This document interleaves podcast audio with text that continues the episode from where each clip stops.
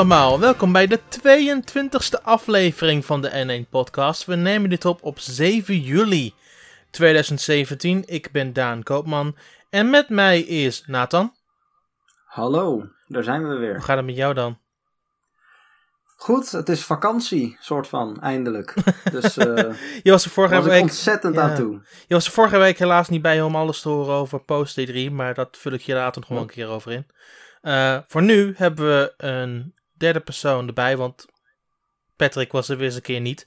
Dus we hebben een nieuw persoon uitgenodigd en dat is onze goede vriend Jon. Hallo, goeie avond, middag, ochtend, nacht, wanneer iemand dit luistert.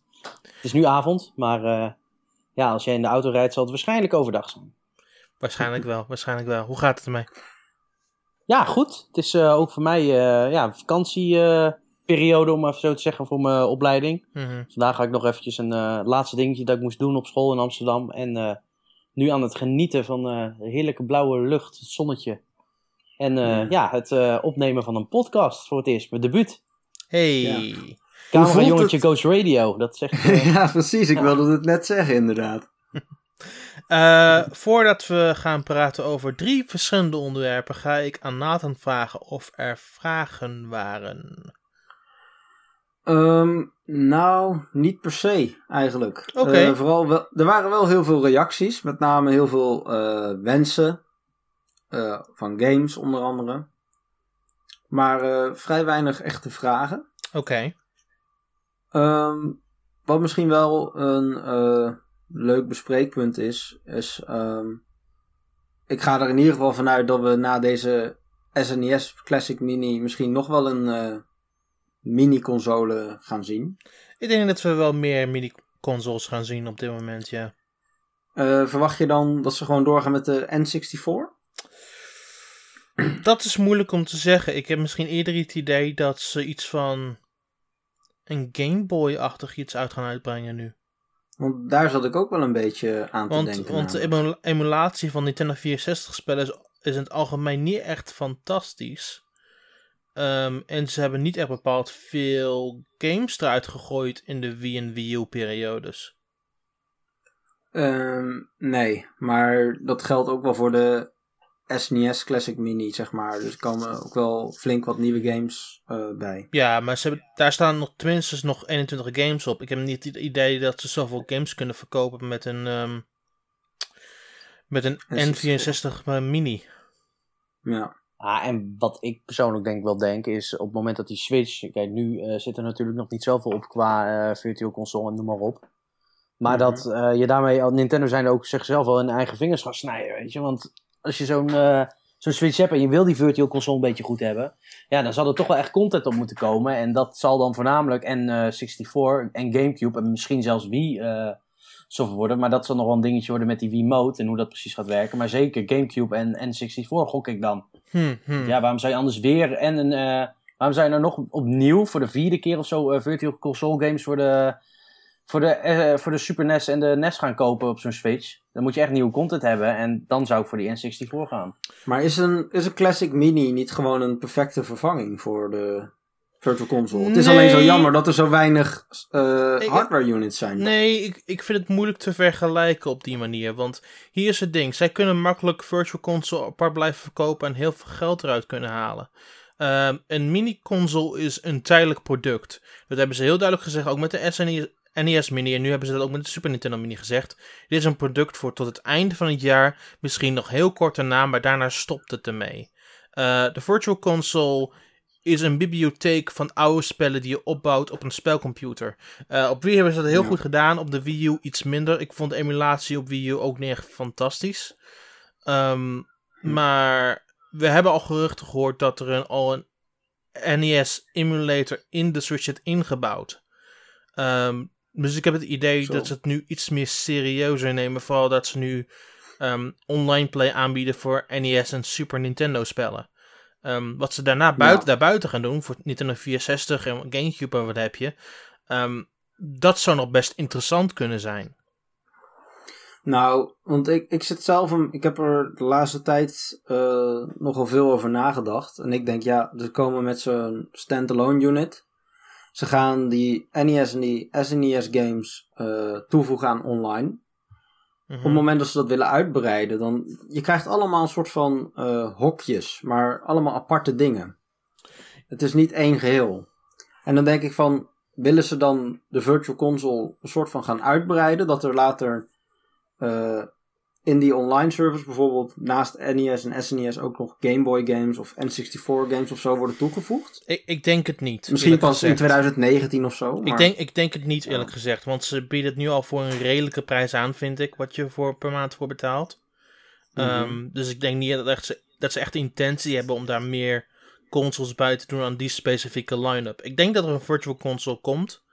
Uh, maar ik denk dat de line-up van de Virtual Console heel anders wordt. Mede doordat NES en SNES spellen door aan de online worden toegevoegd. Ja, want je Ja. verwacht niet dat je nog apart moet gaan betalen voor die games. Dat is eigenlijk meer wat je zegt. Tenminste niet voor de, de NES en de Super NES eh, games. Klopt. Nee. Ja. Ja, maar aan de nee, andere dat- kant denk ik, op het moment dat ik online multiplayer wil spelen, dan neem ik die service. Dan vervolgens krijg ik die NES en die SNES games erbij. Maar wat nou als ik daar totaal eigenlijk niet geïnteresseerd in ben, maar wel bijvoorbeeld, eh, weet ik veel, een Mario Kart 64 eh, online zou willen kunnen spelen? Hè? Ik bedoel, dat valt dan erbuiten. Ja. en kan maar- waarschijnlijk niet eens online. Maar goed, eh, Hè? Dus ik bedoel, dan, dan zit je weer met eh, dat je maar een, een gedeelte van je fanbase. hoe heet Ja, dat maar dat nou? is altijd zo, weet je. De ene vindt een bepaalde game leuk en de ander vindt weer een andere bepaalde game leuk. Ik denk dat dat eh, Ja. niet meer logisch is. Ja, ik denk dat ik... ja, en je moet ook inderdaad kijken van in hoeverre is bijvoorbeeld zo'n eh, standaard 8-bit game of een 16-bit game. Ik denk dat dat eh, veel makkelijker soort van om te bouwen is om dat online te krijgen. Dan bijvoorbeeld een eh, N64 game. Omdat dat gewoon een heel anders, zeker die 3D eh, games. Weet je, dat, dat kan je niet even zeggen, nou dan maar voegen we even online multiplayer aan toe. Ik denk dat ook met nee, maar dat kan sowieso Brothers- niet. dat soort dingen gaat niet gebeuren. Ik- en dat ik kan je denk- dan wel weer. Wat ik wel denk is gezien dat we weten dat GameCube Virtual Console komt, want daar hebben ze het vaak genoeg over gehad in vage termen dat het weet dat het op een gegeven moment komt. Die games valt dan wel weer om te bouwen, want sommige van die games hadden LAN support. Ja. Ja. Ehm, dus ik denk dat ze dat wel als een deel kunnen toevoegen van het pakket van zeggen van hey, als je online betaalt kun je ook deze GameCube spellen online spelen zoals het aan te schaffen in de e-shop. Ehm, Mario Kart Double Dash lijkt me zo vet om te doen online. Dat is echt... eh, ja. Precies. Nee, maar ja, ook dat inderdaad. Maar dan wordt het toch weer een soort van onderdeel ook van die online service. Nou, het wordt deel van, van het, zeg maar, het bericht van deze games kun je dan kopen in de e-shop en dan heb je daar profijt bij. Ehm, ja, Dus ik denk, nee, dat ze, ik denk dat ze de opnieuw, ik denk dat de Virtual Console wel terugkomt, maar dat ze het anders gaan positioneren dan met andere spelcomputers voorheen. Ja, nee. Dat, dat moet ook wel echt de, manier zijn om dat te doen. Want anders dan heb je, als je nu weer zeg maar voor de zoveel duizendste keer eh, een bepaalde game moet gaan aanschaffen die je ook al op je 3DS, op je 3DS XL, op de Wii en op de Wii U hebt aangeschaft. Ja, dan uh, ja. dat, dat, dat is echt gewoon rijpe diefstal uh, van Nintendo. Ja, Dat, dat is echt het eerste wat ze uh, eigenlijk al hadden moeten aanpassen in de Wii U. Dat je gewoon één breed account had en uh, gewoon die games zowel op al die consoles kon spelen. hey, het, kan nog, goed, dat, het kan nog erger. Je kan ook een, een versie hebben aangeschaft op die Game Boy Advance. Hm? Oh ja. Want en die zijn ook al, daar zijn ook NES en Super Nintendo spellen uitgekomen. Bij volle map nog. Nee, ja, inderdaad. Oh ja, die, die remakes en zo, ja. Goed, dat, Ja. Super Mario uh, Advance 2, weet je, dat soort games. Dat je die nu Ja, al 20 precies, keer weer kunt ja. spelen. Ach. Ja, Maar er zat wel een multiplayer mee van de Mario Donkey Kong, uh, zeg maar, een originele Jumpman game. Dus dat was dan wel weer grappig. zeker. Uh, Was dat het enige of was er nog meer? Nou, er waren niet echt vragen verder. Dus ik dacht, dit is misschien wel een leuk onderwerp om uh, een beetje erop in te haken. Maar uh, okay. ik denk dat we wel door kunnen. Prima. Dan gaan we door naar het eerste. Uh, Platinum Game Teasers. Nathan, wat is, waar gaat dit in vredesnaam over? nou, we, we waren er op de site niet zo heel erg zeker van hoeveel we moesten posten en niet. Uh, uiteindelijk hebben we wel wat erover gepost. Maar het, het begon allemaal toen Platinum Games een Japans Twitter-account opende. Mm. En een, uh, een afbeelding op Twitter plaatste van uh, Bayonetta in Bayonetta 1 en Bayonetta 2. Ja. Hè, met de, eh, want die hebben natuurlijk een andere haarstijl, zeg maar. Mhm. Eh, als een soort eh, ja, joker, zeg maar, in elkaar met de pistool. Eh Bayonetta 2, Bayonetta eh, in het, met een blauwe achtergrond op de bovenkant en aan de onderkant dus omgedraaid. Bayonetta 1, Bayonetta eh, in het rood. Mhm. En heel veel mensen zagen daarin, hey, dat is zeg maar precies de kleur die op het moment dat je twee Joy-Con tegen elkaar aanzet, hè, de gekleurde Joy-Con, zou dit een teaser zijn eh, voor Bayonetta port eh, naar de Switch. Hm. Nou, heel leuk. I- iedereen eh, hard in discussie erover.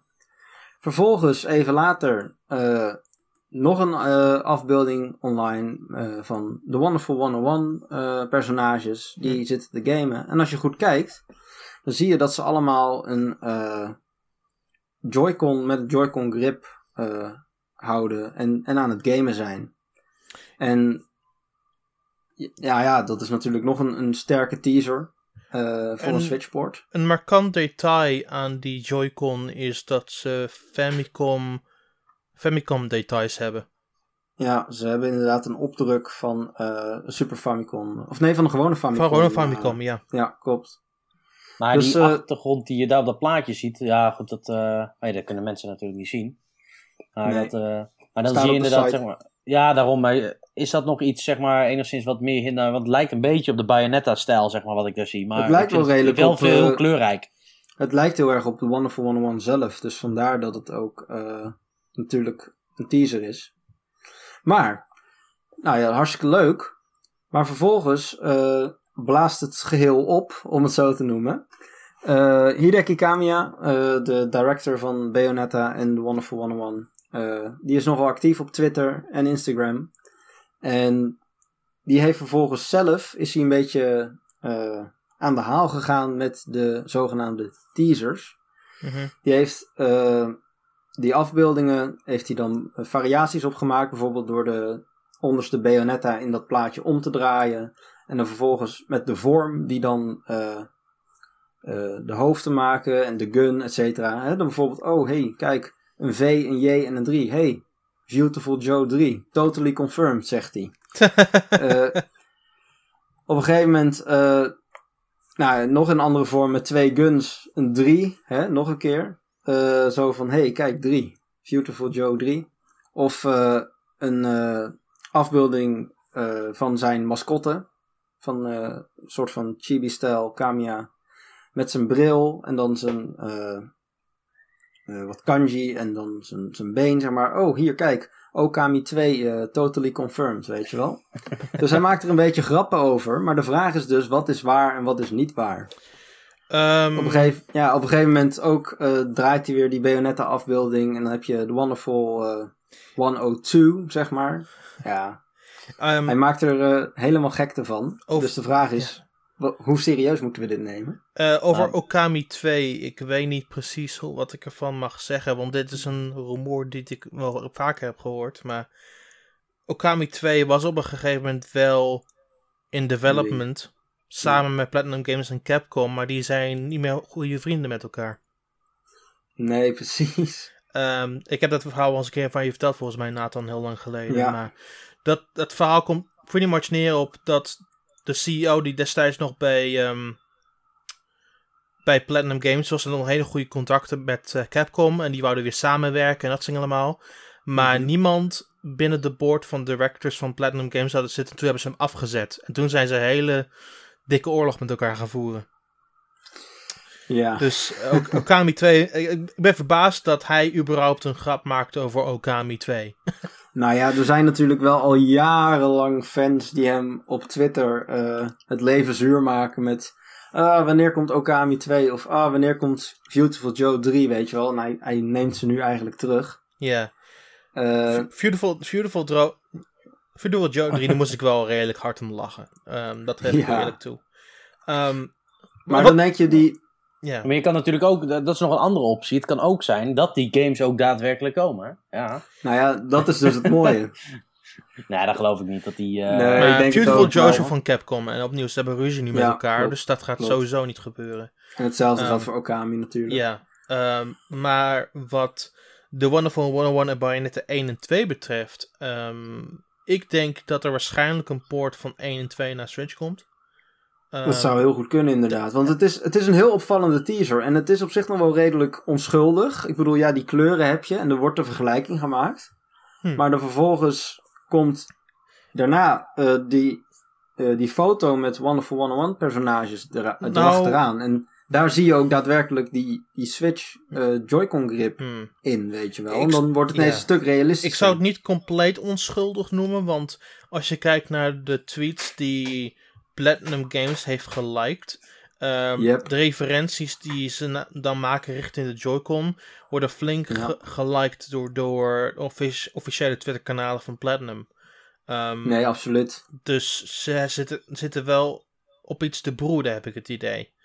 Ehm, Nee, ik denk het ook. Maar gewoon, dit, dit, dit feest is gewoon, ja, geweldig. Ja. Het is helemaal opgeblazen. Maar ik, ik zou het persoonlijk heel leuk vinden. Als. Wonderful 101, ehm, die game was zo...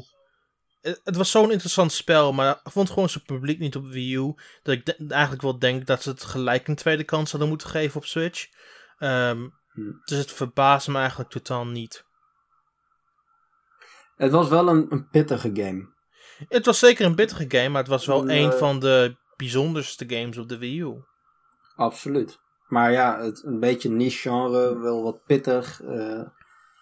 ik ben benieuwd hoeveel publiek ze hier nou weer mee gaan vinden op het Ze moment dat staan, nu, nou een tweede ze kans staan nu beter in de spotlight dan een paar jaar geleden. Vooral met, ehm met Nier Automata net uit de deur. Ehm, Ja, absoluut. hebben zij meer ogen op hun gericht. En natuurlijk is de Switch dat er ook redelijk goed voor. Dus de installbase is een stuk groter, dus dat, eh, dat is natuurlijk wel zo. En ja, goed, volgens mij heeft Reggie ook in het, eh, tijdens de E3 aangegeven dat er gewoon meerdere games die op de Wii U waren uitgekomen ook, eh, dat er een zeer reële kans was dat die dan ook eventueel naar de Switch zouden kunnen komen. ja, ja, Maar dus ja, dit is niet meer dan natuurlijk... logisch gevolg. De vraag is natuurlijk, neem je dan een game die al 5 miljoen keer verkocht is, zoals Smash Bros. Eh, welke kies je dan uit? Eh, want Wonderful 101 heeft nou misschien de 100.000 nog niet eens gehaald. klopt. Maar ik denk dat, dat het, het geven van een nieuwe kans aan bepaalde games ook goed doet aan hun portfolio. Want er zijn ook Absoluut. genoeg mensen die het niet hebben gespeeld. Dat is, dat is ook de redelijke ehm, lijn binnen de verwachting. Ehm, en als je met Bayonetta 1 en 2 als zeg maar dat goed verkoopt als een pakket, dan is dat ook een opstapmodel richting een waar- hoogstwaarschijnlijk een Bayonetta 3. Yes, en dat deden ze ook met de, met de Wii U.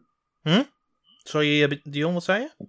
Nou, het is wel third party natuurlijk. En laten we het, je net zegt, nou, Nathan, third hè, want- party, ze zijn niet echt third party bedrijf. Ze Nee, zijn maar meer, ook Platinum, meer een met studio. Platinum Games erbij. Ja. Nee, oké, maar in die zin zeg maar, het is wel, zo'n studio moet eraan verdienen. En nou goed, Mhm. zeker met Bayonetta 2 en 1 zeg maar. Ehm, Oh, ja, oh, goed, ze hebben niet verdiend ehm, op, eh, op de Wii U zeg maar wat ze daar hadden moeten verdienen. Dus het is ook financieel gezien gewoon slim om die game te porten naar eh, de Switch. Het- nou, zo zit het niet in elkaar. Want hoe een studio als Platinum werkt in de Japanse gamesindustrie, is zij krijgen gewoon betaald hoe dan ook. Zij krijgen gewoon een vast bedrag als een studio.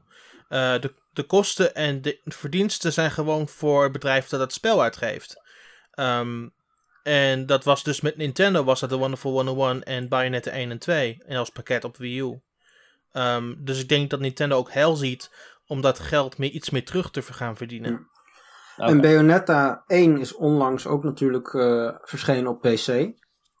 Mhm. Dus eh, daarmee trekt het natuurlijk ook wel een, een wat nieuwer eh, publiek aan. Dus ik denk dat Sega er ook wel baat bij heeft als eh 1 en 2 ook voor de Switch uitkomen. Zodat zij eventueel zelf dan eh Bayonetta 3 kunnen financieren.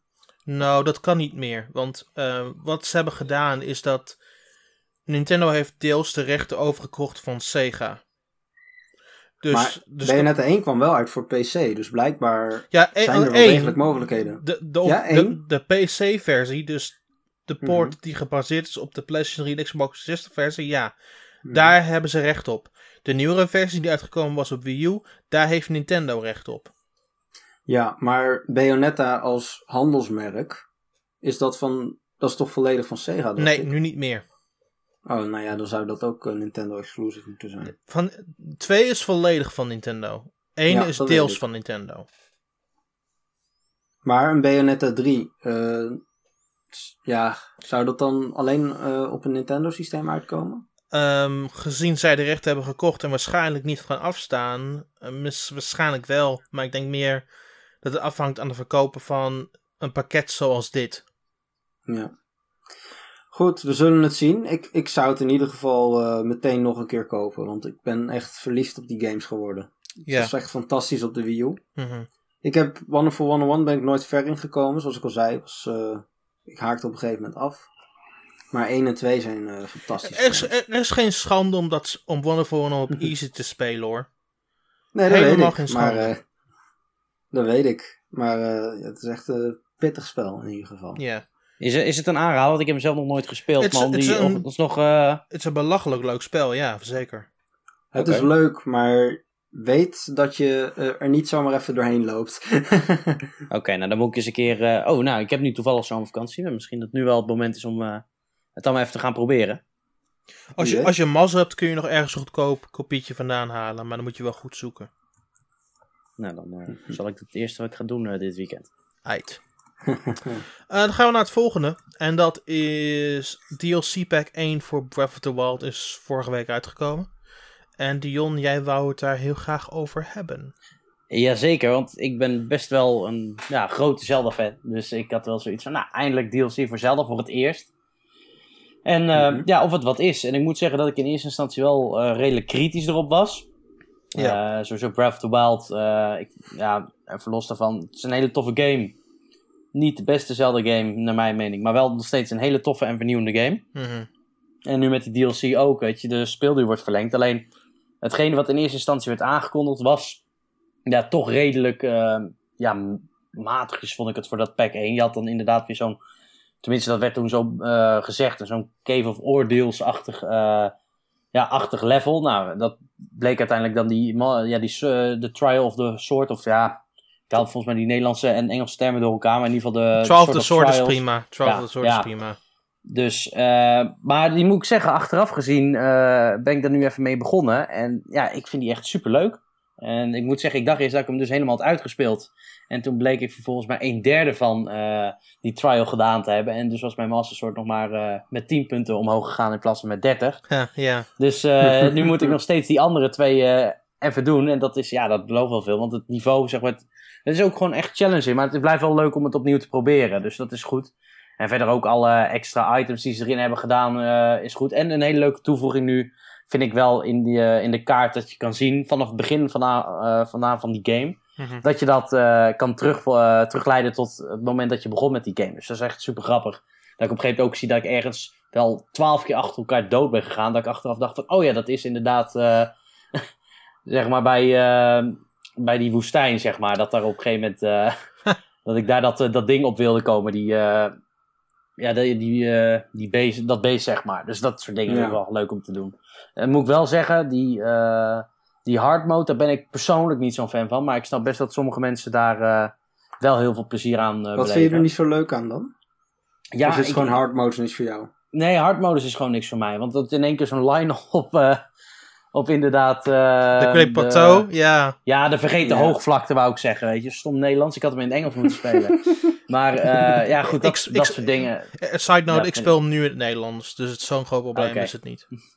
Nee, goed, als je het alleen maar bent, dan is het inderdaad oh, de Great Plateau, zo heet het. Ja. Maar dat, ja, het is niks meer voor mij. Maar ik, ik vind het gewoon leuk om te exploren. En natuurlijk wel een beetje af en toe eh, dat je goed eh, je best moet doen om een vijand te verslaan. Maar uiteindelijk eh, om echt helemaal die, die hard modus in te gaan en allemaal precies tactisch en op de goede mo- momenten timen, dat is niks voor mij. Dat is niet voor mij weggelegd. Hm. Ik, ik vind het juist heel erg bijzonder om te doen. Ik zit er goed tien uur in nu in, in hard mode.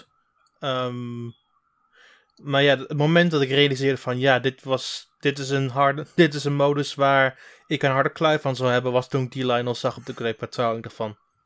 Shit, oké. Snel de andere kant oplopen. En, Ja. eh, Het was gewoon een silver line op de Great Plateau. Ik dacht van. Fuck. Eh, ja, het is wel een hard mode, hè, dan? Ja, en ook nog die vliegende platformen allemaal. Dus ja, er zit wel genoeg in wat, ehm, wat het interessant maakt om te spelen. Ehm, ook dat je moet opletten dat die vijanden niet hun helft terugkrijgen en dat soort dingen allemaal. is het belachelijk veel interessante, interessante tweaks in. Ja. Ehm, maar het, het forceert je ook wel om zo snel mogelijk goede items te vinden in dat spel. Uh, want in het begin ben je heel erg underpowered. Um, vooral als je die, uh, die hogere goblins al meteen tegenkomt. En je hebt dan niks wat je eigenlijk kan tegenvechten. Dus dat zit wel. Daar heb je de hardste kluif van, naar mijn mening. Aan, juist aan het begin van het spel. Um, ja. Twaalfde Sword heb ik uh, voltooid. Alle drie de moeilijkheidsgraden. Ja, um, sowieso. De, de eerste vlog ik redelijk doorheen. Al. omdat er geen checkpoints zijn zoals in de tweede en derde. Daar is er één checkpoint. Um, moet je veel meer plannen naar mijn optiek. Terwijl je in de tweede en derde kun je iets meer forceren naar mijn mening. Um, en je hebt maar ook vind, vind je dat een, een, goed ding of niet? Ja, ja, ik vind dat gezien de tegenstand die je krijgt, vooral op het hoogste niveau, vind ik dat je, het idee dat je iets meer dingen kunt forceren of meer naar je hand kunt trekken, vind ik wel fijn. Um, want ik, ik ben niet van plan om spoilers te geven over die kamers, maar de kamers die je in, in het allerlaatste gedeelte van die rit tegenkomt, is, zijn belachelijk. um, ik, ik geef één voorbeeld zonder iets verder te spoileren. Er is één kamer waar je een, een Lionel hebt en verschillende bekobbelings op paard. Oké. Okay. Ja. Dat, uh, ja, dat is wel... Uh... Ja, ja, goed, dan zou ik zeggen, meteen even die stasis gebruiken en even die bekoppelings uh, even van een paard ja. af laten halen. Maar goed, dan... Ja, dus ja, het is best wel pittig tegen het einde van de rit aan. Um, dus ik ben wel, wel blij dat ik iets meer kon forceren tegen het einde van die rit. Um, ja dat gezegd hebben, de design items verstopt in alle levels die het iets makkelijker maken om dat hele ding uit te spelen. Waar ik een eerste keer helemaal niks van af wist, maar mensen mij pas achteraf hebben verteld. Ja. ja. ah, het is op zich denk ik wel uh, goed dat je die checkpoints ertussen hebt, zeg maar, dat het de game iets toegankelijk maakt. Uiteindelijk kan je zelf kiezen of je er gebruik van wil maken. En ik denk dat de echte diehard zoiets hebben van nee, ik doe het inderdaad net als die uh, Cave of Ordeals en dat soort... Uh, levels die je in de andere Zelda-games haalt, zoiets van nee, ik ga gewoon constant door, door, door. En uiteindelijk zie ik wel uh, waar het schip strandt. Sure. Terwijl ik denk er ook genoeg mensen zijn die, net zoals ik denk ik wel, zeg maar, fan zijn van Zelda, maar niet echt de diehard gamer met superveel tactieken gewoon de dingen willen halen. En mhm. dan ja. kan je inderdaad zeg maar, daar heel goed gebruik van maken. Okay. Plus, wie weet dat, dat uh, Master Sword wel iets te maken zal hebben met de volgende DLC. Want daar werd ook wel eens een beetje op internet over gesproken. Dat je die uh, volledig ontwaakte Master Sword nodig hebt voor uh, de storyline in ja, DLC Pack 2. Dat is hmm. moeilijk te zeggen. Ik heb geen idee. we weten dat. Soms hebben er meer details over vandaag over losgepeuterd. Dat, dat Link opnieuw het hoofdpersonage is, maar dat je, dat je achtergronden krijgt over Zelda en dat soort dingen allemaal. Um, dus ik weet niet precies in, wat, in welke plaats het plaatsvindt in de Breath of the Wild tijdlijn. Um, maar dat wordt best wel interessant om te zien. Ja, want wat denken jullie daar allemaal van? Van dat tweede, inderdaad meer op de storyline uh, gericht. Wat, uh, waar denken jullie dat over zal gaan? De nieuwe... Ik ja, denk dat het ergens vooraf of achteraf zal plaatsvinden. Maar ik weet niet precies waar. Ik heb de game nog niet eens uit, kun je nagaan. Dus uh, ik, ik weet het nog niet. Hoe ver ben jij nu met de game, Nathan? Uh, nou, ik ben op een gegeven moment een beetje mee gestopt. Het wordt wel inmiddels weer tijd om, uh, om terug in te gaan. Ik heb het meeste wel te pakken. Ik denk dat ik nou ongeveer, uh, nou, het zal zijn drie kwart ben. Hm. Ah, oké. Ja. Wat, ik, wat ik interessant vond aan, trouwens aan die kostuums in, die, in de eerste DLC-pack. Um, als je dat Tingle kostuum hebt, dan, dan um, wordt iedereen een beetje bang van je. ja. En ja. als je Majora's Mask op hebt, dan blijven de vijanden een beetje in gewoon op een plek staan van, huh? Ja. Um, dus ja. dat, dat, vond ik wel heel erg interessant om te zien op zich. Ik vind het alleen wel jammer dat ze niks met die Blood Moon hebben gedaan uh, met Majora's Mask. Dat dat daardoor, zeg maar, dat je dat uh, kon uh, stoppen, zeg maar, of tegenhouden. Dat dat dus niet het geval was op het moment zolang je dat masker draagt. Dat zo- zo'n klein verwijzing. Of juist dat in plaats van dat je die Blood Moon hebt, dat die die gewoon naar beneden valt. Weet je, dat soort flauwigheden. Maar ja, ja goed, dat, eh, dat, dat was het enige jammere. Dat je zo'n verwijzing, dat ze dat er niet in hadden gedaan of zo. Maar verder eh, Ja, wel hele leuke toevoegingen. Ook, eh, want dat is inderdaad wat vandaag ook bekend is gemaakt. eh, het, eh het tenue, zeg maar, uit wat Link aan heeft in de Wind Waker. En het begin. Dus Ja. zeg maar zijn pyjama. Ja. Die, eh, die komt dus in DLC pak 2, eh, komen die ook. mhm. Of komt, wordt het ook beschikbaar. Maar in hoeverre heeft dat dus iets of met de storyline te maken? Of is het gewoon, net zoals deze items, is het gewoon ja, voor de leukigheid? En, Ik denk voor, net zoals iets als dit. ja, voor de leukigheid, ja. We weten ook niet wat het effect is van het specifieke item, maar dat zien we dan wel later, heb ik het idee. Ja. Is er nog iets anders wat je specifiek wil bespreken over de DLC, eh Dion? Ehm, ja, goed. Ik, ehm, misschien wel leuk inderdaad voor, eh, voor, inderdaad voor de leden om over te discussiëren. Van ja, in hoeverre zien zij eh, de, de, volgende DLC en wat denken zij dat er precies in dat verhaal gaat plaatsvinden? Daar kunnen we vast wel mensen over discussiëren ook nog. Mhm. Er zullen ontiegelijk veel theorieën zijn. En dus het lijkt me wel leuk om ook die van de leden te horen. Om te zien wat, hoe zij erin staan en wat zij denken. Sure. Ja. Dus luisteraars, eh, deel jouw eh, visie over de storyline eh, van de DLC. Eh, dan gaan we door met de Splatoon 2 Direct. En ik heb het idee dat ik niet met het juiste publiek zit voor de Splatoon 2 Direct. Ja, ik maar- vond het een hartstikke leuke eh, direct. Ben ik heel eerlijk in. Oké, oké. Ik, eh, ik hoor iedereen een beetje meh. Och, we, hebben, we wisten de helft al. Het is een beetje herhalen van de originele Splatoon en zo. Maar ik heb gewoon ontzettend veel dingetjes ook gezien waarvan ik denk, ja, kijk, dit is gewoon wat ik wil weten. Sure. Ja, en ik eh, ben degene die eh, nog eventjes snel door de Direct eh, is heen ge- heeft gekeken. Want verder heb ik Splatoon, eh, heb ik volgens mij twee of drie keer echt, eh, echt aangeraakt voor de Wii U. en voor de rest ben Ja. ik eigenlijk niet super enthousiast voor de game. Maar misschien kunnen jullie me overtuigen en kan ik wel mijn, eh, mijn visie over de game overbrengen. Waarom ik het eigenlijk niet, zo, eh, niet mijn type game is. Nou, dus ja, je zit inderdaad met het, niet? je zit echt met het verkeerde publiek, Daan, sorry. Waarom is het jouw type game niet? eh, Ja, Leon? ik, ik weet het niet, zeg maar. Kijk, ik hou dat gaat wel echt van shooters. Ik, eh, Mhm. ja, inderdaad, van Call of Duty heb ik gespeeld. En eh, ik was vroeger meer van de Counter-Strike op de PC nog. Echt daar, de oude garde. Maar ja, ja met Splatoon, het is... eh, ja, ik, ik weet niet. Het is gewoon het, het hele sfeertje wat mij niet trekt. Ja, met rollen, verf en dat soort dingen. Ik heb hem wel gespeeld, maar al meteen had ik zoiets van... Ja, weet je, dan begreep ik ook de controls niet. En ik had zoiets van... Ja, het, het, voelde mij voor, voor mij niet natuurlijk aan om dat spel te spelen, zeg maar. En op een of andere manier heb ik al heel gauw zoiets van... Het moet gewoon natuurlijk aanvoelen. En dat, eh, ja, het is misschien... Ik denk dat die game ook wel wat... eh, ja, ik, ik- misschien dat het instapniveau gewoon te hoog was en dat ik het gewoon niet kan. Dat kan ook, ik weet het niet. Maar eh, ja, dus eh, toen was ik al redelijk gauw op uitgekeken. En nu dan ook met eh, Splatoon 2, wat ik heb gezien. Ook met de Switch-presentatie in januari en met de E3. Ja, Ja, komt het voor mij nog niet over dat het- voor. ja, daarom weet je. Maar het- ik heb niet echt zoiets van, nou, wow, die game is nu zo vernieuwend. En ja, die, eh, oh, het, eh, het wordt er beter. Het, het is eigenlijk voor mijn gevoel hoe het overkomt. En dat moet misschien het. eh, ik dacht dat het Nintendo marketing team dat eh, wel een beetje zou helpen met die direct. Maar het voelt voor mij eerder, wat ik zie, als een Splatoon 1.5 en geen 2.0. Nou, er zijn wel ontzettend veel dingen veranderd. Maar de core gameplay is gewoon hetzelfde inderdaad. Dus in die ze- zin ze hebben zelfs klopt het wel. Maar Ze hebben wel tweaks aan de gore gameplay. Ehm, absoluut. ik heb het idee dat eh, het bewegen met. oh, in de infinite vorm en hoe je speciale mechaniek hebt met de wapens nu voelt. Laat het gameplay heel anders aanvoelen. Want ehm, Ja. als je bijvoorbeeld eh, de nieuwe wapen, de Splat Duelist in je hand hebt. En dit, dit- dit is puur uit ervaring.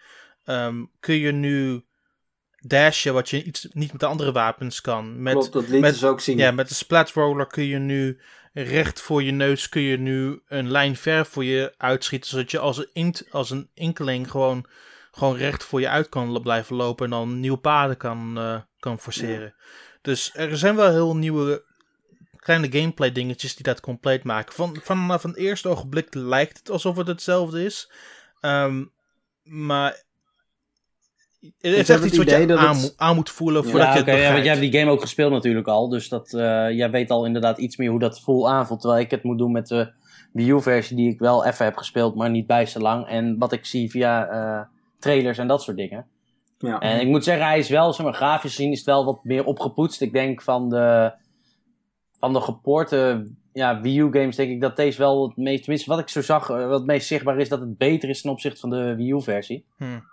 Ja, het is dan geen port natuurlijk, maar je snapt wat ik bedoel, als ik vergelijk met Mario Mhm. Kart 8 en ehm, Breath of the Zelda. Wild, zeg maar, denk Ja. ik dat het grafische verschil wel het meest zit tussen Splatoon en Splatoon 2. Mhm.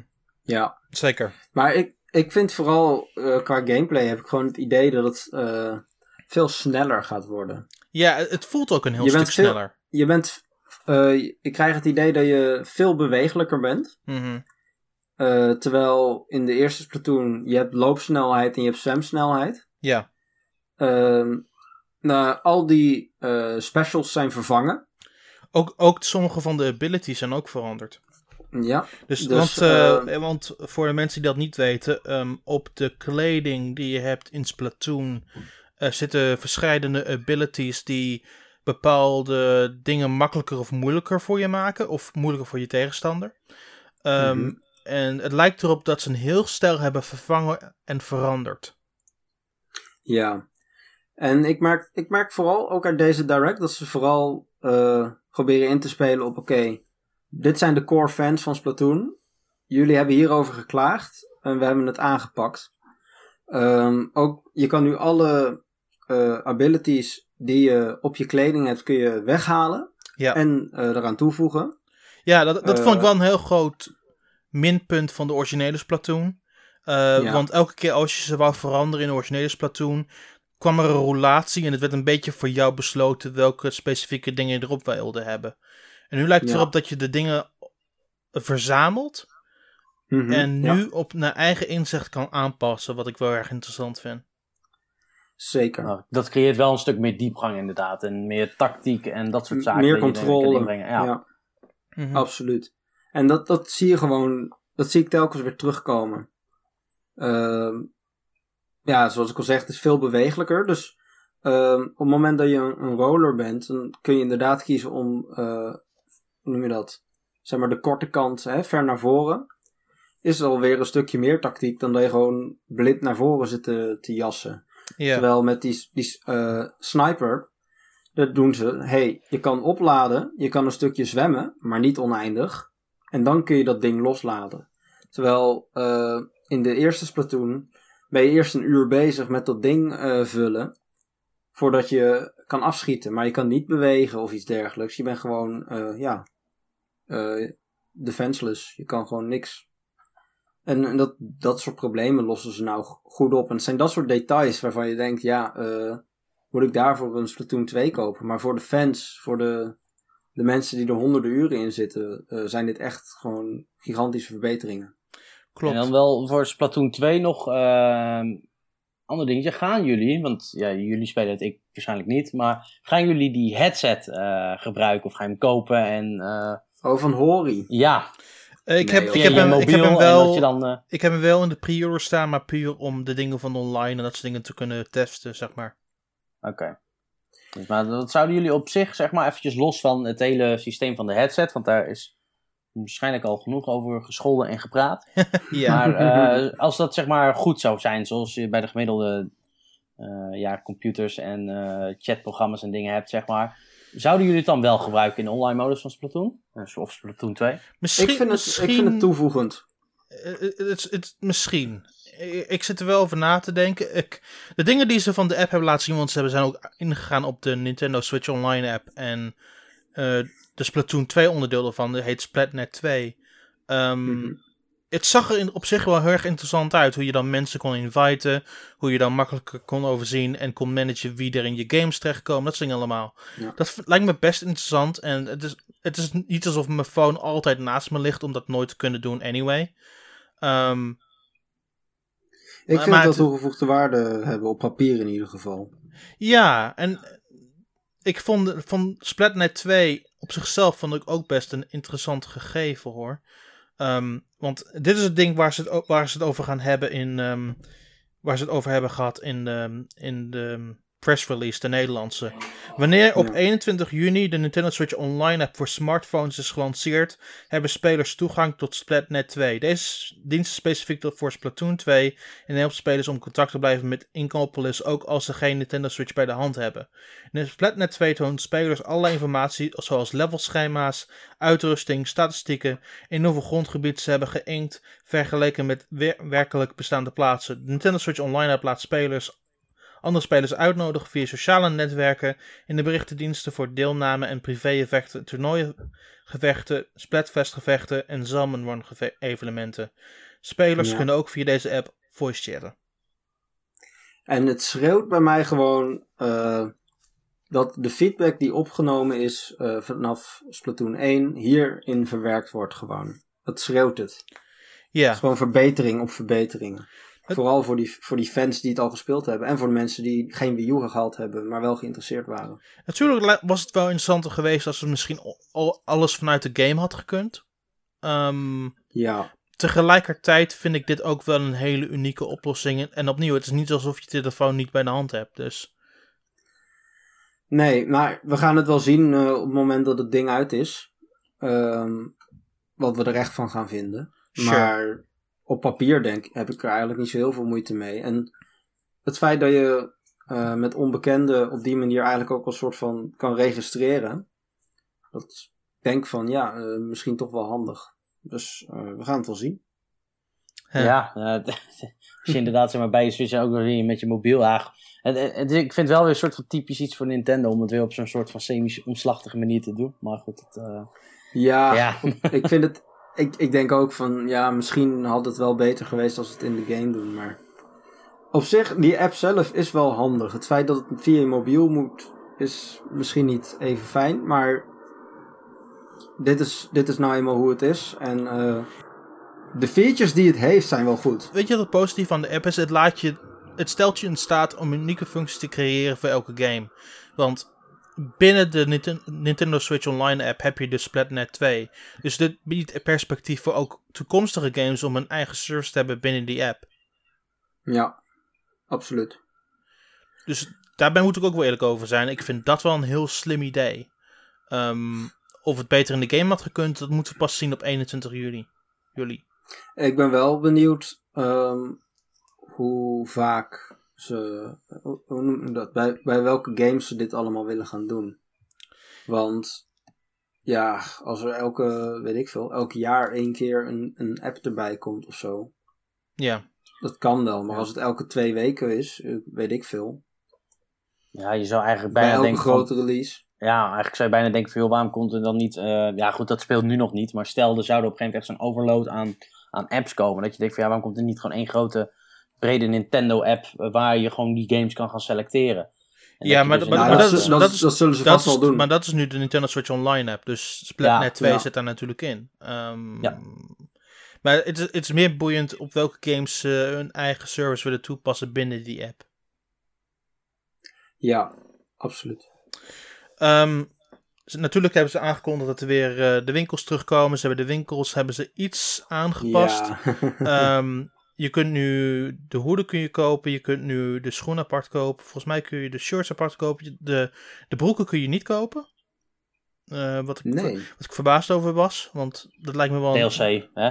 nee. Maar dat, dat lijkt me eigenlijk de, next, de, de volgende stap in het hele proces. Ehm, maar ik denk dat je drie, met drie opties, met verschillende abilities, wel genoeg overweg kan.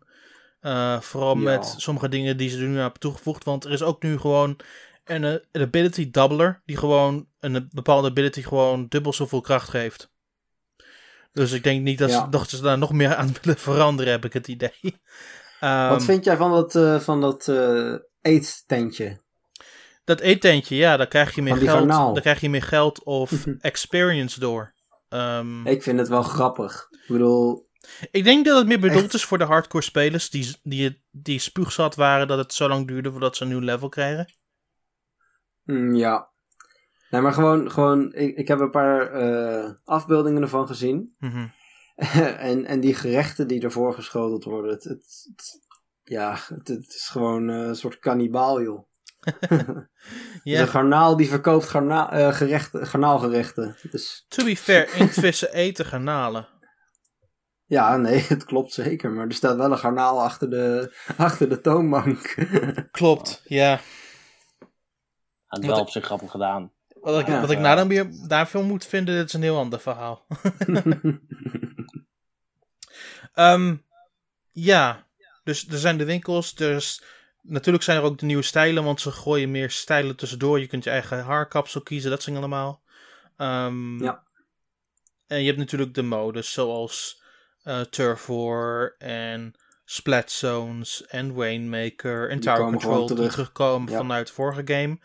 Um, ik weet nog steeds niet hoe ik moet voelen over het feit dat ze, dat ze de, de maps elke twee uur veranderen. Nou, het is in ieder geval beter dan vier uur.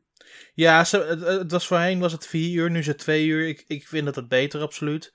Tegelijkertijd, um, ze hebben wel iets aan toegevoegd wat me iets meer irriteert. Want elke ranked modus, zeg maar dus alles buiten voor ja. om heeft een eigen rank die je moet upgraden ik naar vond dat juist een goed idee. Ik vond dat juist een goed idee. Oh ja? Ja, want um, ik was, ik merkte gewoon bij mezelf dat ik uh, splat zones, dat dat veel beter ging bij mij dan bijvoorbeeld Tower Control. Of mhm. nee, vooral Rainmaker. Vooral Rainmaker. Rainmaker is mijn zwakke modus. En op het moment dat ik dus een, uh, een rank heb, dan gaat het de hele tijd omhoog uh, bij bij Rainmaker. Of nee, bij uh, Splat Zones. En dan vervolgens uh, switcht het, uh, hè, dan switchen de, de maps, et cetera. En dan kom ik in een modus terecht waardoor mijn rank weer omlaag gaat. Oké. Maar, op deze, maar op deze manier blijft jouw rank voor die ene modus dus wel hoog. Hè, dus het, wordt, het is veel meer je krijgt een veel betere indicatie wie waar goed in is. Ah, dat is wel een verbetering dan. Want dat, uh, als je inderdaad zeg maar, gewoon meer een random iets hebt, dat is ook niet leuk. Je wil op een gegeven moment wel weten van, nou, ik blink daar juist heel erg inderdaad in uit en in het andere wat minder. Ja, want het is, gewoon één, het is gewoon, het is gewoon, het was één globale rank voor uh, Splat Zones, Raymaker en Tower Control gecombineerd. En dat ze dat nu scheiden, vind ik juist beter. Ik vind het een interessant idee. Ik weet niet per se of ik het persoonlijk beter vind, maar ik sta ervoor open op zich. Um, ze hebben toch... Ik vind het wel jammer dat ze nog steeds uh, afwisselen. Het is niet zo dat je gewoon altijd Splat Zones kan spelen of altijd Rainmaker. Dat maar dat is niet het geval. Want dat, dat vind ik op zich. Uh, dat nou, wel, wel, moeten kunnen. Uh, wel, wel in, in, private games, zeg maar. Of, of met, oh ja, in als private je, games. Als je lokaal online speelt met vrienden, kun je kiezen wat je wil. Maar ja. Maar niet ehm, online, toch? Maar random online kan dat niet. Oh, maar dat, dat, dat is wel, ik bedoel, ja goed, als ik het dan op mezelf betrek, weet je, als je dan kijkt naar games als vroeger, uh, een real tournament, dat soort dingen, weet je, dan wilde je gewoon altijd weten van, ik wilde altijd Capture the Flag spelen. En dat deed je dan online. Dus je koos online, zeg maar, in die modus, koos je gewoon Capture the Flag. En je zou nu ook gewoon random online willen zeggen, want ik stel je bent heel goed uh, inderdaad in uh, tower defense. Dus je gewoon zegt, joh, ik wil constant gewoon maar tower defense gaan doen, zeg maar. En niet tower dat control, ja, ja, ja. Of tower control, sorry. Ja, leek. Maar dat uh, je niet inderdaad constant uh, inderdaad maar uh, moet wachten en dan hopen dat je die modus krijgt. Ja, dat, dat vind ik wel ja, raar dat dat er dan niet in zit. Ja, en ik denk dan van ja, um, Splatoon 1 was super populair. Dat zal Splatoon 2 ongetwijfeld ook zijn. Dus aan een spelerstekort ligt het niet. Dus dat vind ik wel jammer. Ja. En er komen nu ook meer modussen bij. Dus het is eigenlijk dat de kans dat je nu degene die jij heel leuk vindt doet, is nog veel kleiner. Hmm. Komen er modus bij? Toch of niet? Of niet? Nee, dat dacht ik, dat dacht ik dat dat zo is, ja. Ze hebben gezegd dat er modussen bij komen op een gegeven moment. Oh, oké. um, nice. En op welke termijn hebben ze niet gezegd, maar ze zeggen dat het nee. binnen de updates van het komend jaar een keer komt. Ja. Ja, misschien nee, dat, dat dan bij die update dat ook wel zit natuurlijk, dat je die keuze alsnog kan maken. Dat zou heel mooi zijn. Ja. ja. op een gegeven moment zullen ze dat misschien wel een keer door moeten voeren. Um, dat gezegd hebben, ze hebben wel wat interessante dingen veranderd per modus. We gaan er niet te veel diep op in. Uh, de interessantste is dat ze met Tower Control. Tower Control, voorheen was het zo dat de toren in het midden stond. Uh, je sprong erop en probeerde zo lang mogelijk tot het einde van de goal het vast te houden. Ja. Um, ja. Nu is het met Tower Control zo dat er checkpoints zijn. Dus zodra je een checkpoint hebt bereikt en je, en je wordt er vanaf afgegooid of je wordt aangevallen en de tegenstander neemt het over, dan vliegt het vle- vliegensvlug naar dat laatste checkpoint, wat wel een stuk handiger is. Mhm. De- ja, Dus op zich, eh, eh, ze hebben interessante dingen eraan toegevoegd, waardoor de modus ook wat sneller aanvoelen, net als, net als de gameplay het sneller aanvoelt. Ja, ik vond Tower Control altijd wel traag. Maar aan de andere kant vind ik het ook wel goed dat de snelheid constant is. En ik, ik vind die, die punten waarop die even stopt, dat vind ik eigenlijk best wel geforceerd. Als ik heel eerlijk ben. Een klein beetje, tegelijkertijd, al- als je dan weer teruggaat en je hebt het meeste van die route al afgelegd, dan scheelt het wel tijd op zich. Ja, dat is waar. Sure.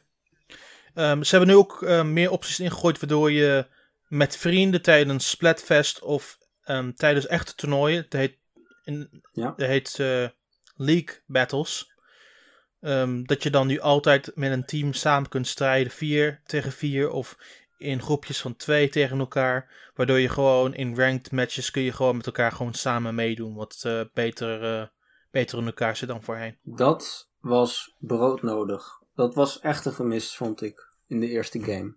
Mhm. Je had het in, in Mario Kart 8 bijvoorbeeld, kon dat gewoon eh, via je vriendenlijst. Eh, bij Splatoon 2 eigenlijk eh, Splatoon 1 niet. alleen... Ja, Splatoon 1 kon dat alleen als je echt iedereen kende. klopt. Nee. Ik vind dit, ik vind dit top. Helemaal mooi. Laatste twee dingen. Eerst hebben we Salmon Run. Mhm. zijn we al voorheen wat dieper op ingegaan toen met de laatste Nintendo Direct. Ehm, Ja. Ze hebben nu bevestigd dat je Salmon Run alleen maar tijdens bepaalde momenten kunt spelen. Online.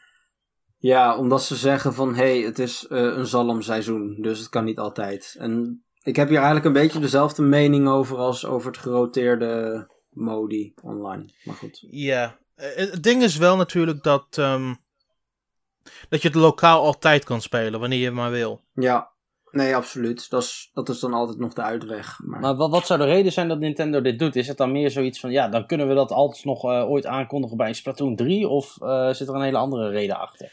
Ehm, ik denk dat ze het liever willen dat je het met vrienden speelt, überhaupt. Ehm, maar waarom ze het puur focussen op lokale multiplayer, vind ik een interessante. Dat zou ik niet per- definitie weten. Natuurlijk kan Ik je, kun het. je Ja, dat je die Switch mee kan nemen. ja, de dat Switch kun je van ja. mee toenemen, sure. Maar het is. Ik, ik zie dit meer als een potentie voor een online mode dan een ander. Ja, ik zie het eerlijk gezegd ook, eh, de manier waarop ze het nu doen, is gewoon een limiet op de online modus. En niet zozeer een verbetering van de lokale modus.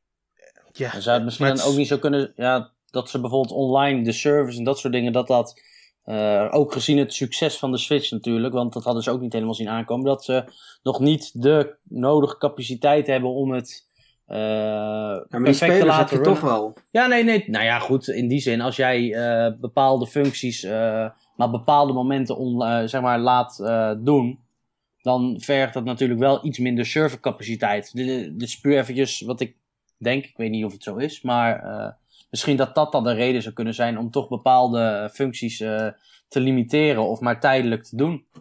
Wel nee, want het is gewoon, eh, die spelers die verbind je aan elkaar. En je hebt een set spelregels. Ja. Ja, het is gewoon horde mode. Summon Run is gewoon Ja. een horde mode. Ehm, De, maar ik bedoel, misschien- het is niet zo dat op het moment dat je, het Ja. is niet zo dat je op het moment dat je vier verschillende modus tegelijkertijd eh, aanbiedt, eh, dat daardoor je server ineens een heleboel meer eh, last van gaat krijgen. Want wat je server, waar je server last van heeft, sommige personen gaan dan in plaats van Turf Wars, gaan ze dan richting die modus. Dus eigenlijk wordt dan de aandacht wordt dan meer gesplitst door meer Ja, dat, onderdelen. dat, dat is ook weer zo inderdaad. Maar goed, je, je zit naar verklaringen te zoeken waarom ze zoiets zouden doen. Nou ja, dan zou dat misschien iets, iets dan zou dat het zijn. maar Maar ik, zeg, hebben. Maar ja, maar ik zeg, die eerste Splatoon, die is iets van bijna 5 miljoen keer verkocht. Eh, waar maak je je druk over? Ja. nou, omdat deze waarschijnlijk nog veel meer gaat verkopen. Ja, dus dan heb je spelers genoeg. Ja.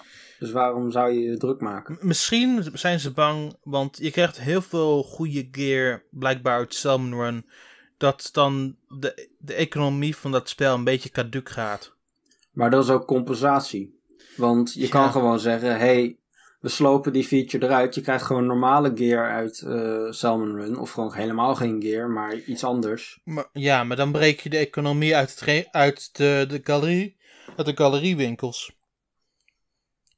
Nee, maar dat is gewoon een designkeuze. Ja, dat is wat ik probeer te vertellen. Ik, ik, weet niet zo goed wat ik hiervan moet vinden. Um, hopelijk krijg ik de kans om het nog iets meer lokaal te spelen voordat uh, de tijd daar is. Maar we zien het wel. Nou ja, we ehm, kunnen natuurlijk altijd gewoon nog een keer afspreken rond de launch. Sure. uh, dan, dan, kunnen we er ook meer van lokken, zeg maar. Dat lijkt me best wel interessant op zich. Ja, daarom. Um, ten slotte is er de verhaallijnmodus. Uh, ja. Uh, opnieuw, ik vind de missies die ze hebben, tot nu toe hebben laten zien, vind ik er best interessant uitzien. Er zit meer ook meer variatie in de gebieden. Um, tijdens de beelden zagen we meer een tropisch-achtige omgeving. Um, er was iets meer mhm. bergachtig, bergachtig. Ik vond dat er meer variatie in zat dan in het origineel. Het yes, origineel... En daar ben, ik, daar ben ik heel erg blij mee. Ja. Want ik vond, het, ik vond de, de verhaalmodus in de eerste Splatoon was leuk. Was prima. Mhm. Maar dit, dit brengt het wel echt gewoon een, een, stap hoger, weet je wel. Nee, zeker. Het zit, het zit, je kunt ook zien dat er een extra collectible in zit. Want je hebt de scrolls die ook in het origineel zaten. Maar ook nog een mhm. extra collectible. Ik weet niet precies wat dat precies inhoudt. Maar dat betekent dat je meer gaan, moet gaan afspeuren in levels om meer te kunnen gaan vinden. yes, voor mensen met tijd te veel. In, precies. En gebrek aan wifi. en gebrek aan wifi. Ja. dat lijkt me dan wel weer perfect om dan gewoon in de trein te spelen of zo. Want dat kun je nu gewoon. Ja, ja nee, zeker. Ja. Ja, dat was het wel wat ze hebben specifiek hebben laten zien tijdens de direct. Er waren wel andere dingetjes zoals de, de speciale wapens en zo. Maar dat is iets, dat is iets gedetailleerd om echt flink op in te gaan. Maar, uh, ja, dus daar kan ik er helemaal niet meer mee praten. Ja, precies. Dan, dan, wordt het, dan wordt het iets te... Dan ben ik nog stiller ja. als ik net al was, zeg maar. Dus ja, precies. precies. Precies, Nu kun je nog wel redelijk mee praten, dan wordt het helemaal niks. Um, Zijn er nog games waar jij naar uitkijkt, Dion, voor de uh, Switch? Uh, ja, goed, uh, natuurlijk de klassieke ja, Super Mario Odyssey. Ehm, ik denk dat dat wel echt de game is waar ik het meest naar uitkijk. Ook wel de Mario uh, Rabbids game is eentje waar ik naar uitkijk. Ook al heb ik dus helemaal niks met... bijvoorbeeld die game XCOM heb ik nooit gespeeld. Ja, maar mhm. het is wel iets dat ik denk van, nou, dat zou iets voor mij kunnen zijn. Je had zeg maar een soort vanzelfde type gameplay, zeg maar, mechanic, die je dus hebt met die tactische battles. Mhm. Dat had je ook in een uh, eh, DS-game zitten, of Game Boy Advance game, uh, van Mega Man Battle Network. Ja. Deel 5 of zo. Die had een beetje dezelfde soort, uh, en dat mechanic daarvoor. En dat vond ik heel interessant, omdat dat wat meer tactiek erin bracht. Hmm. Dus dat vind ik wel heel leuk aan ja, Mario Rabbids. En ja, goed, verder is het uh, meer op de lange termijn uh, waarop ik echt uh, naar uitkijk. Dat is natuurlijk Metro Prime 4. ja, tuurlijk. En ook wel de hele online service. En dan waarschijnlijk de, ja, de virtual console, dat soort dingen wat eraan zitten te komen. Want het is nu... Nou ja. Ja. Zou je zeggen, Nathan? Online service komt natuurlijk al wel vanaf april, maar... Of nee, vanaf juli over twee weken. Maar, ja, nee, maar ik bedoel de online de service. Betaalde versie. De betaalde versie, inderdaad. Die bedoel ik dus echt de volledige. Dat, ja. uh, dat had ik moeten verduidelijken. Ja. Nee, precies. Maar ik, ik, ik, had jou ook niet gehoord over Rocket League bijvoorbeeld voor de Switch. Want voor mij, uh, jij vond dat toch wel een leuk spel, dacht ik. Ja, nee, Rocket League is zeker leuk. Maar het is een, een, het is een game voor, uh, ja, moet ik zeggen, voor erbij, zeg maar. Het is niet een game dat ik denk, ja, ja daarvoor... Stel, ik zou nu nog geen Switch hebben, dan is het niet dat ik een Switch zou kopen vanwege Rocket League. Niet zozeer omdat nee, maar... op andere consoles is, maar Jij hebt al een Switch, toch? Ja, nee, daarom. Maar ik, ik ga hem ook dus, zeker Dus dan hoef je die Switch niet meer te kopen. Nee, dat klopt. Nee, maar ik, ik, ga, ik ga Rocket League sowieso ook kopen. Alleen het is niet dat het een... Um, het is een hartstikke leuke game, maar het is niet een game dat ik denk van ja, daar kijk ik super erg naar uit, weet je. Ik bedoel, voor Zelda was ik echt hyped en nou, ja. ik wil niet zeggen voor dat mij, ik kon slapen, maar voor, ja. Voor mij, is het, voor mij is het precies hetzelfde met, uh, met uh, FIFA op uh, Switch. Het is, wel, het is leuk om het bij te hebben, zeker. Maar het is niet, het niet de reden. Het, het, was niet de reden waarom ik de Switch zou halen. Maar... Nee, tuurlijk niet. Maar ik vind, ik vind gewoon de, het feit dat je dat mee kan nemen, de trein in, weet ik veel. Oh, dat, dat is juist het beste daar, daarover. Ja. Daardoor ben ik wel degelijk. Uh, kijk ik daar wel naar uit, weet je wel. Sure. Ja, maar dat, dat heb ik ook wel. Ben ik wel getriggerd om FIFA te kopen. Ook omdat ik gewoon een FIFA-speler op de PlayStation 4 ben. En ik mhm. zal FIFA ook zeker voor de Switch kopen. En dan is dat eigenlijk alleen maar voordat uh, dat ik in de trein even een potje FIFA kan spelen met een redelijk goede engine. Maar Ja. ik denk dat ik thuis toch altijd nog naar de PlayStation 4 versie zal grijpen. Dus daarom is dat ook niet Ja, een game dat ik denk, ja, daar kijk ik super naar uit. Sure, Ja, nee, dat sure, ga ik ook sure, doen. sure, ja. Nee, absoluut. Goed, dan eh, breiden we nu wel echt een einde eraan. Eh, waar kunnen ze je vinden, Nathan? Eh, op de gebruikelijke plekken. Zoals? Twitter, Nathan van Ginkel. Eh, nou ja, de site natuurlijk. Maar ja, de- dat weten we inmiddels allemaal, joh. We hebben dit echt al twintig keer gedaan, joh. Maar, maar we doen het, in elke, we doen het bij aan het einde van elke aflevering, goede vriend. Eh, waar kan, kunnen ze jou vinden, Dion? Ehm, ja, als mensen mijn voor- en achternaam in één keer goed kunnen spellen, dan kun je me op Twitter vinden met Dion Verkruisen. Met U-I-J-S-E-N en Dion met een Y. Nou, als je het dan eh, weet te vinden, dan... eh, of nee, het is niet eens Dion Verkruisen. Wow, het is gewoon D Verkruisen. Dus je hoeft niet eens mijn, hele naam, mijn voornaam uit te spreken. D Verkruisen met U-J-S-E-N. En voor Kijk de maar op rest... de eh, redactiepagina. ja, kijk maar op de redactiepagina. nou, op het N1 Forum, eh, bij de reacties, daar kan je me zien. En verder, ja, ik heb wel Facebook en dat soort dingen, maar daar hoef je me niet toe te voegen. Dus eh, ja, dat, dat is het eigenlijk. Daar kunnen jullie mij vinden. Ja, tuurlijk. Je kunt mij volgen op Twitter, at Nintendaan, dat is N-I-N-T-N-D-A-N. Eh, je kunt eh, N1 volgen op Twitter, dat is N1 Nintendo. Ehm, en dat is ook. Dat is het. Kun je ook. En dan kun je .nl als website. En dan vind je daar Ja. recensies en nieuws en dat soort dingen allemaal. Alleen, ehm, Twitter laten wij wel een beetje braak liggen. eh, ja, maar je krijgt nog, je, je krijgt we nog steeds wel ja. links richting artikelen en dat soort dingen allemaal. Dat is zeker waar. We zijn de laatste tijd wel wat meer bezig met Facebook. Dat kunnen jullie misschien al opgemerkt hebben. Eh, dat, dat we daar wat actiever op zijn geworden. En ook op Soundcloud zijn jullie wat actiever geworden, toch? Oh, zo- een beetje, ja. Een of andere podcast had ik begrepen. Dus dat, eh, Ja, maar dat is maar een uitprobeersel. Ah. We weten nog niet of we daarmee doorgaan.